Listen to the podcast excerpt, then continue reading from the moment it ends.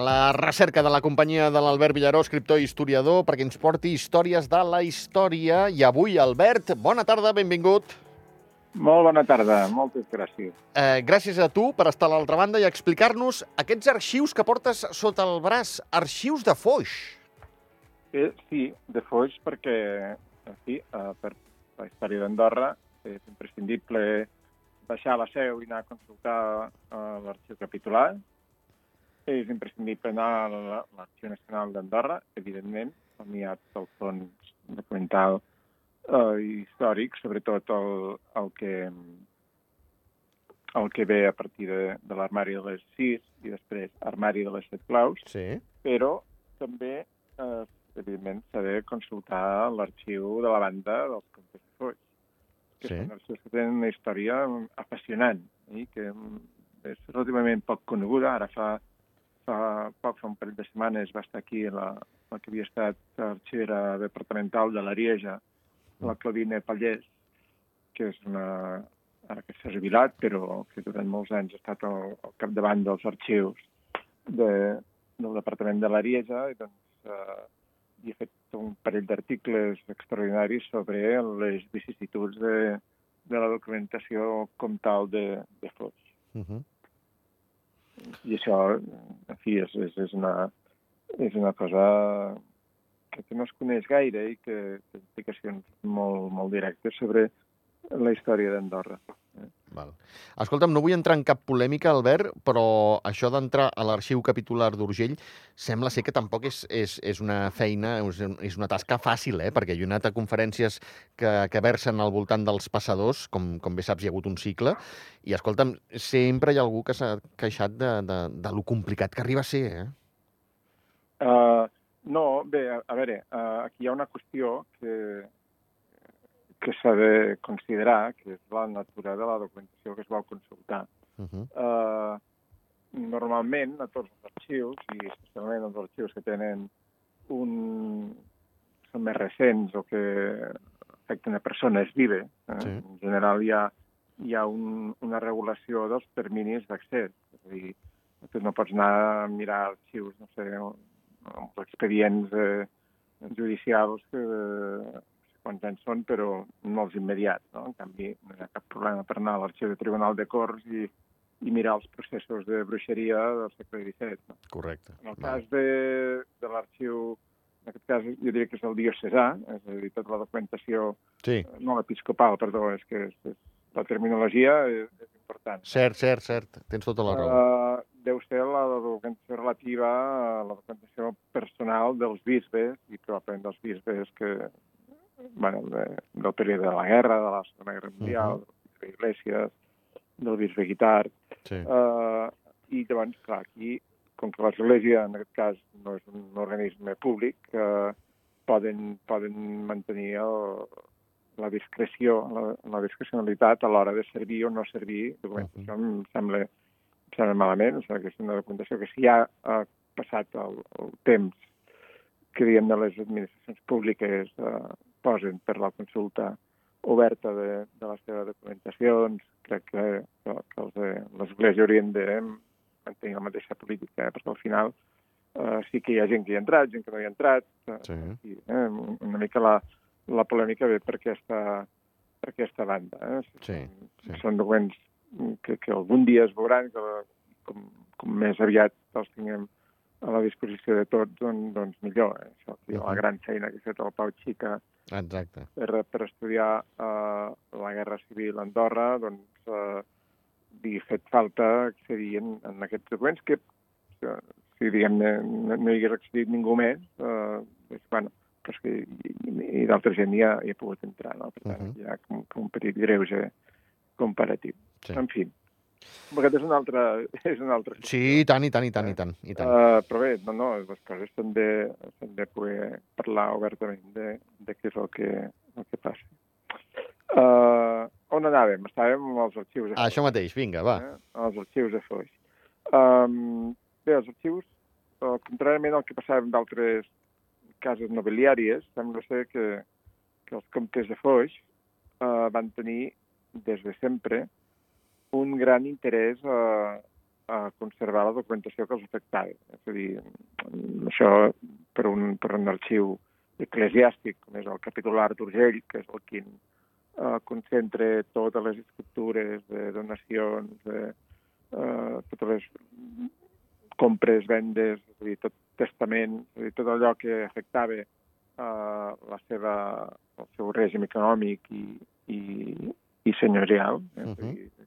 els que servien per fonamentar la, el, els, els títols, en diuen ells, eh, de, de propietat i de, que, que ajudaven a definir fins on arribava el seu poder, doncs això ho tenim tots molt claríssim, que, a més a més, sent estructures que han estat molt estables al llarg de, de, del temps, és a dir, que no hi ha hagut fusions, que no hi ha hagut divisions, que no hi ha hagut absorcions. Doncs, uh -huh. El bisbat d'Urgell ha sigut bisbat d'Urgell des del segle V, posem per cas, i, i per tant és no, normal que els seus arxius doncs, recollin documentació, en el cas del capítol d'Urgell, doncs, des del 820 i pico, eh, que és el primer document que tenen fins ara, no? i uh -huh. amb, una, amb una certa continuïtat, tot i que hi ha hagut allò eh, accidents, hi ha hagut trasllats, hi ha hagut eh, peripècies diverses.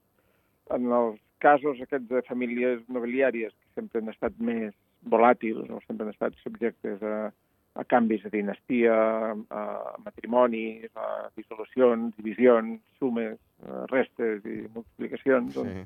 ha, ha sigut més complicat. Eh? Però el cas de, dels arxius de Foix doncs, han sigut, fins a cert punt, perquè també veurem que la seva vida ha sigut uh, atzerosa, eh, ha tingut una, van tenir sempre una preocupació molt important de conservar la seva documentació, eh, fins al punt de que al segle XV ja hi trobem gent, trobem notaris, trobem capellans, eh, trobem escrivents que, eh, en certa manera, ja, ja fan la feina de l'arxiver. Eh? L'arxiver no és només el, el, el que guarda físicament el, els documents, sinó també el que els classifica, els que posa una certa lògica uh -huh. a l'hora de classificar-los i de servir-los en funció de les necessitats de l'organisme que els guarda. Eh?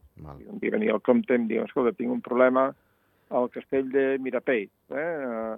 Porta'm els documents eh, que em parlen, a veure, a veure si puc solucionar-ho, a, veure què, a veure què diuen, a veure quins drets tinc, quins no tinc, i quins uh -huh. puc demanar o quins m'han pres. No? Doncs anava a l'arxiver, eh, anava al seu calaix, on tenia allà una etiqueteta allà que posava Mirapell.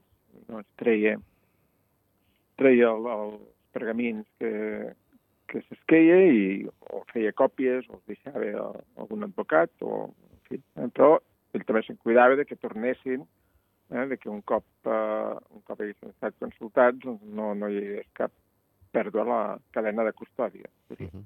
eh? Aquí hi ha, hi ha un, un arxiu molt cèlebre, que era el, el Miquel de Berni, eh, que va fer ja, ja, ja, ja conservem algun, algun inventari d'aquest moment. Eh? I parlo que són importants aquests inventaris perquè en l'actualitat la major part dels fons documentals de Foix s'han perdut? Tot i que hi havia aquesta pràctica tan lloable de, de tenir eh, arxivers dedicats a, en el segle en el segle XV, doncs això mm, va anar de, de mal borrat. Eh? Una història una mica, una mica trista al final. Sí. Uh, aquí, evidentment, doncs, clar, tota, tota la documentació doncs, que, que rebien els, els comptes, doncs, uh, la deixaven a, a l'arxiu, que físicament era el Castell de Foix. Si teniu ara present el Castell de Foix. El Castell de Foix eh, té tres, tres grans torres, dos que són de planta quadrada o rectangular i la, la gran torre redona, que, que és posterior. Doncs, a, aquest primer arxiu estava a la torre del mig, una, una de planta quadrada, sí. i estava al segon pis. Això ho sabem bastant bé, doncs, perquè eh, hi ha documentació que explica com, com van haver de construir tot el, el mobiliari. Eh? Val. Però ara, amb els arxius, que són aquestes estructures que van sobre, sobre via, sí. que permeten els armaris compactes, Exacte. permeten allò concentrar eh, en un espai doncs, el doble de superfície que faria falta si haguessin passadissos entre, entre el, els armaris. Mateix, no? Això mateix. En aquest cas no, en aquest cas són armaris eh, a la paret eh, i que tenen calaixos. I no són, no són armaris ben bé com, com imaginem, eh, igual que l'armari de les claus, era realment un armari, però que tenia també els seus calaixos i l'Anton Fide, el manual d'Igés, uh -huh. que va ser el primer gran arxiu d'Andorra, explica com han de, com, com han d'estar rotulats tots els calaixos en funció del tipus d'escriptures que contenien. Eh? Doncs una cosa semblant hauria haver-hi a la, a la, en el primer arxiu de, de Foix. Eh? Vale. Abans dels armaris, eh, el que hi havia eren, eren caixes, eh? caixes amb dos o tres panys. Eh? Sí. Eh, si a la catedral de la Seu, per exemple, al claustre hi ha, un, hi ha una arca de pedra molt gran que veus que té tres panys, penso que són, i que probablement allà s'hi havien guardat les primeres escriptures de, de l'arxiu capitular. Val no, no s'ha estudiat gai, gairebé aquesta, aquesta peça, que és, és molt interessant, i la tenen allà amb un raconet allà al, al claustre, per, per, precisament per aquesta característica de que té diversos panys, eh, és probable que fos, fos això, fos un, una, una arca on es guardava material preciós que, per tant, no es deixava la discreció d'una sola persona obrir o tancar. Eh? És el mateix cas de l'armari de les claus, eh? que, que regula molt clarament quin és el protocol que s'ha de seguir per obrir-lo i que si no hi ha sis cònsols cadascú amb la seva clau, eh, no s'obria. Allò no s'obre, sí, sí. I eh, això són garanties de, de la conservació del, de la documentació. Molt bé. Què més us explico? A veure, uh, per exemple, uh, també vam fer un inventari, un primer inventari de l'arxiu de la vila de Castelló, aquest és un arxiu que va consultar el FITE, en el manual d'ISES. Uh, el Vescomtat de Castellbó, evidentment, també, també tenia el seu, el seu arxiu. Uh, aquest, en el segle XVI, en tot l'episodi en què uh, la reina germana de Foix uh, va perdre la posició del, del vescomtat en favor de Ferran el Catòlic, uh -huh. que va fer la, la reina germana, va ser anar a Castelló i endur-se tota la documentació, la van dur a l'arxiu de Foix, eh? que ja no estava a la torre quadrada, sinó que en van fer un de nou eh, a partir del segle XV a la, a la torre rodona. És a dir, a partir de, de cap a 1430 o així ja podem parlar de l'arxiu de Foix com instal·lat a la torre, a la torre rodona. Val. I allà és on, on guardaven totes les, tota la documentació. Eh? El que passa que va passar amb els foix. Els foix, eh, eh, començaments del segle XIV, ja són les comtes del Bearn, és a dir, es diversifica tot el, el control territorial, eh, tot el, el mapa el mapa dels foix i, per tant, hem d'obrir un altre front de conservació al, al, Castell de Pau, eh? el, que en diuen allò el tresor de Pau. Mm, o sigui que, que tenim aquí dos, dos arxius corrents, els arxius amb, en funcionament i que eh, són els que, els que guarden una mica en funció també de la, de la geografia eh, tot el patrimoni documental. És evident de que, eh, per exemple, el document que ens interessa molt per la història d'Andorra, que és el, el periatge, el, els periatges, fet el primer i el segon, el del 1278 i del 1288, eh, n'hi hauria d'haver una còpia en l'arxiu de la Torre Rodana. Sí. Això, em sembla que, que sí, però no surt a cap inventari. Carai. És a dir, uh, sí, sí, és, és curiós, els inventaris més antics no n'apareix, els inventaris del segle XVIII tampoc, Ostres. però en canvi hi ha una còpia, una còpia feta uh, pel, pel Joan Duat, el Joan Duat, uh, que va treballar a mitjans del segle XVII, va rebre l'encàrrec del rei de França d'anar eh, per tots els dominis de, del Llenguadoc, eh, de, del sud de, de França, a la recerca de documentació que eh, provés eh, els dominis del, del regne eh, en, el, en el sud de, de França. No? I doncs va fer com una mena de d'enquesta molt, molt llarga, molt, molt intensa, va visitar molts arxius, va copiar infinitat de documents i això és la famosíssima col·lecció d'OA, que, que és a la Biblioteca Nacional de França. No? Per exemple, allà la, la còpia del periatge d'Andorra la tenim la primera que tenim Sí. de la banda, o almenys que se sàpiga de moment, que tenim de la banda com tal, la trobem al, en la documentació de la col·lecció de l'A. Eh? Mhm. Llavors, però tu mires el, el, el volum aquest, que és consultable en línia, i et diu una cosa molt curiosa. Quan, quan transcriu allò el, el primer periatge, hi ha al començament doncs, una, un, un, una mena de notícia dorsal, un resum del contingut, i al darrere, quan ha acabat, eh, és tot aquell... Eh, és un document molt extens i molt, molt complicat, al final doncs, explica on l'ha trobat. I diu, literalment, que eh, eh, l'ha copiat d'un gran pergamí que ha trobat a l'arxiu de la ciutat de Foix. D'acord. L'arxiu municipal, eh? Llavors és l'arxiu municipal de Foix. I llavors tu penses, a veure, què passa aquí? Eh, com és que, que qui fa el pariatge, que era un document important, que era un document que els comtes de Foix mm, havien de necessitar o feien servir habitualment o almenys havien de tenir molt present què feia aquest document tan, que a més a més molt probablement seria l'original, en l'arxiu municipal de Foix. Doncs la resposta és que no se sap. I moltes vegades la gent que treballa o que remena arxius es troba que hi ha documents que dius eh, aquí no hi hauria de ser aquest document. Sí. No, no hi ha cap raó, no hi ha cap Per, raó perquè, sí.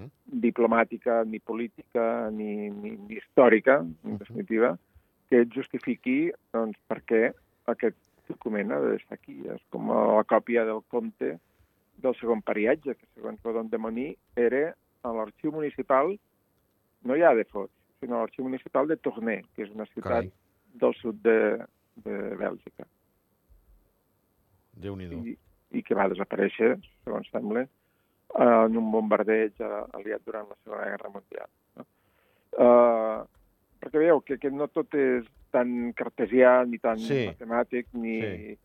ni res. Després, clar, al segle XVIII van buscar com a bojos on era l'original del, del, del pariatge com tal, i no el trobaven, no el trobaven, fins que al final algú els va dir, no, no, escolta, escolta, és en la, a l'arxiu municipal de, de Foix. Val. Ja no hi és. Eh? Vull dir que, Sí, sí. uh, uh, que també està desaparegut, aquest, Sí. O, o és el que hi ha a l'Arxiu Nacional d'Andorra, perquè tampoc no sabem d'on ve aquest. Eh? A dir, del, dels, dels periatges només hi ha dos documents originals de cada un. Val. Un és a la seu, Sí. a l'arxiu capitular, el, el segon periatge, i l'altre és en els fons de de l'armari de les sis claus. Val. Eh? Però mm, jo diria que és una adquisició relativament recent. Quan dic recent pot, pot ser 200 anys. Eh? Sí, però, sí, d'acord. No però que no... És a dir, tinc la sospita de que el que estava a l'arxiu municipal de Foix és el que n'hi ha a l'arxiu de les sis claus. Eh? I això és una recerca que està en curs i que, en fi, espero algun dia poder-ho demostrar. Albert, ens queden dos minutets. No sé si el suficient perquè vulguis eh, i puguis afegir només el sí, que... Per, per explicar la, la trista fi de l'arxiu de la Torre Rodona. L'arxiu de la Torre Rodona doncs, no només hi havia tot aquest l'arxiu de Castellbó, l'arxiu com tal dels Foix, sinó que també hi havia documentació eh, administrativa. Eh? Per, per dir-ho finament, bueno, hi havia padrons, hi havia tota una sèrie de documentació personal. I el 1803, eh, en un context en què eh, Napoleó feia lleves massives de, de soldats per incorporar a la seva gran armée, doncs què va passar? Que, que hi va haver com una, com una revolta popular i van anar a calar foc eh, als arxius de, de la Torre Rodona per evitar doncs, que els joves del país fossin cridats a, a fil.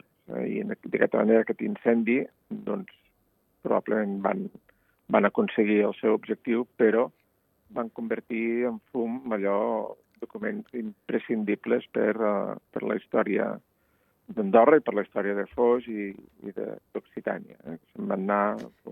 Tenim sort de que de molts d'ells, o si més no dels més importants, doncs en tenim o còpies, aquestes còpies de la, de la col·lecció d'OA, o, si més no, alguna referència als, als inventaris, eh? sobretot el de Miquel de, de Bernís. Però, clar, eh, això és, patrimoni que no és insubstituïble. Eh? És a dir, per molt bona que sigui la còpia i per molt fiel que sigui la, la ressenya o per molt acurada que sigui, doncs no, no ajuda a res a, a la història. Eh? Per tant, és una pèrdua col·lectiva de la que ens hem de lamentar, però que, en fi, també ho hem d'acceptar doncs, com, com el que és, eh? una, una petita gran desgràcia que, que, que ens va passar i que, que, en fi, això fa més de, de dos segles, ara tota la gestió arxivística és, és, és excel·lent, eh? els arxius departamentals de l'Ariesa són extraordinaris, els dels Pirineus eh, eh, occidentals doncs, també, en fi, no, els Pirineus Atlàntics en diuen també, els que hi ha a Pau, a Perpinyà també hi ha molt material sobre Andorra, en fi, podem trobar molta, moltes fonts d'informació perfectament conservades, amb, amb una perfecta accessibilitat dels historiadors i, bé, per tant, això és, és, és, una, és una taca uh, a la història de, de, del país de Foix, però uh, que hem de poder portar allò resignació. Accessibilitat. Em quedo amb, amb això, Albert, que els historiadors és el que necessiteu també, eh, per anar construint i a vegades de construir la, la història. Construint la... i de construint, sí, sí, tota, tota l'estona es fa el mateix. Eh? No, la història, ja ho he dit moltes vegades, no és una ciència immutable i exacta, Exacte, sinó que sí, senyor. cada generació ha d'anar fent-la. Albert Villaró, moltíssimes gràcies. A vosaltres. Que vagi molt bé. Vinga. Adéu-siau, Albert.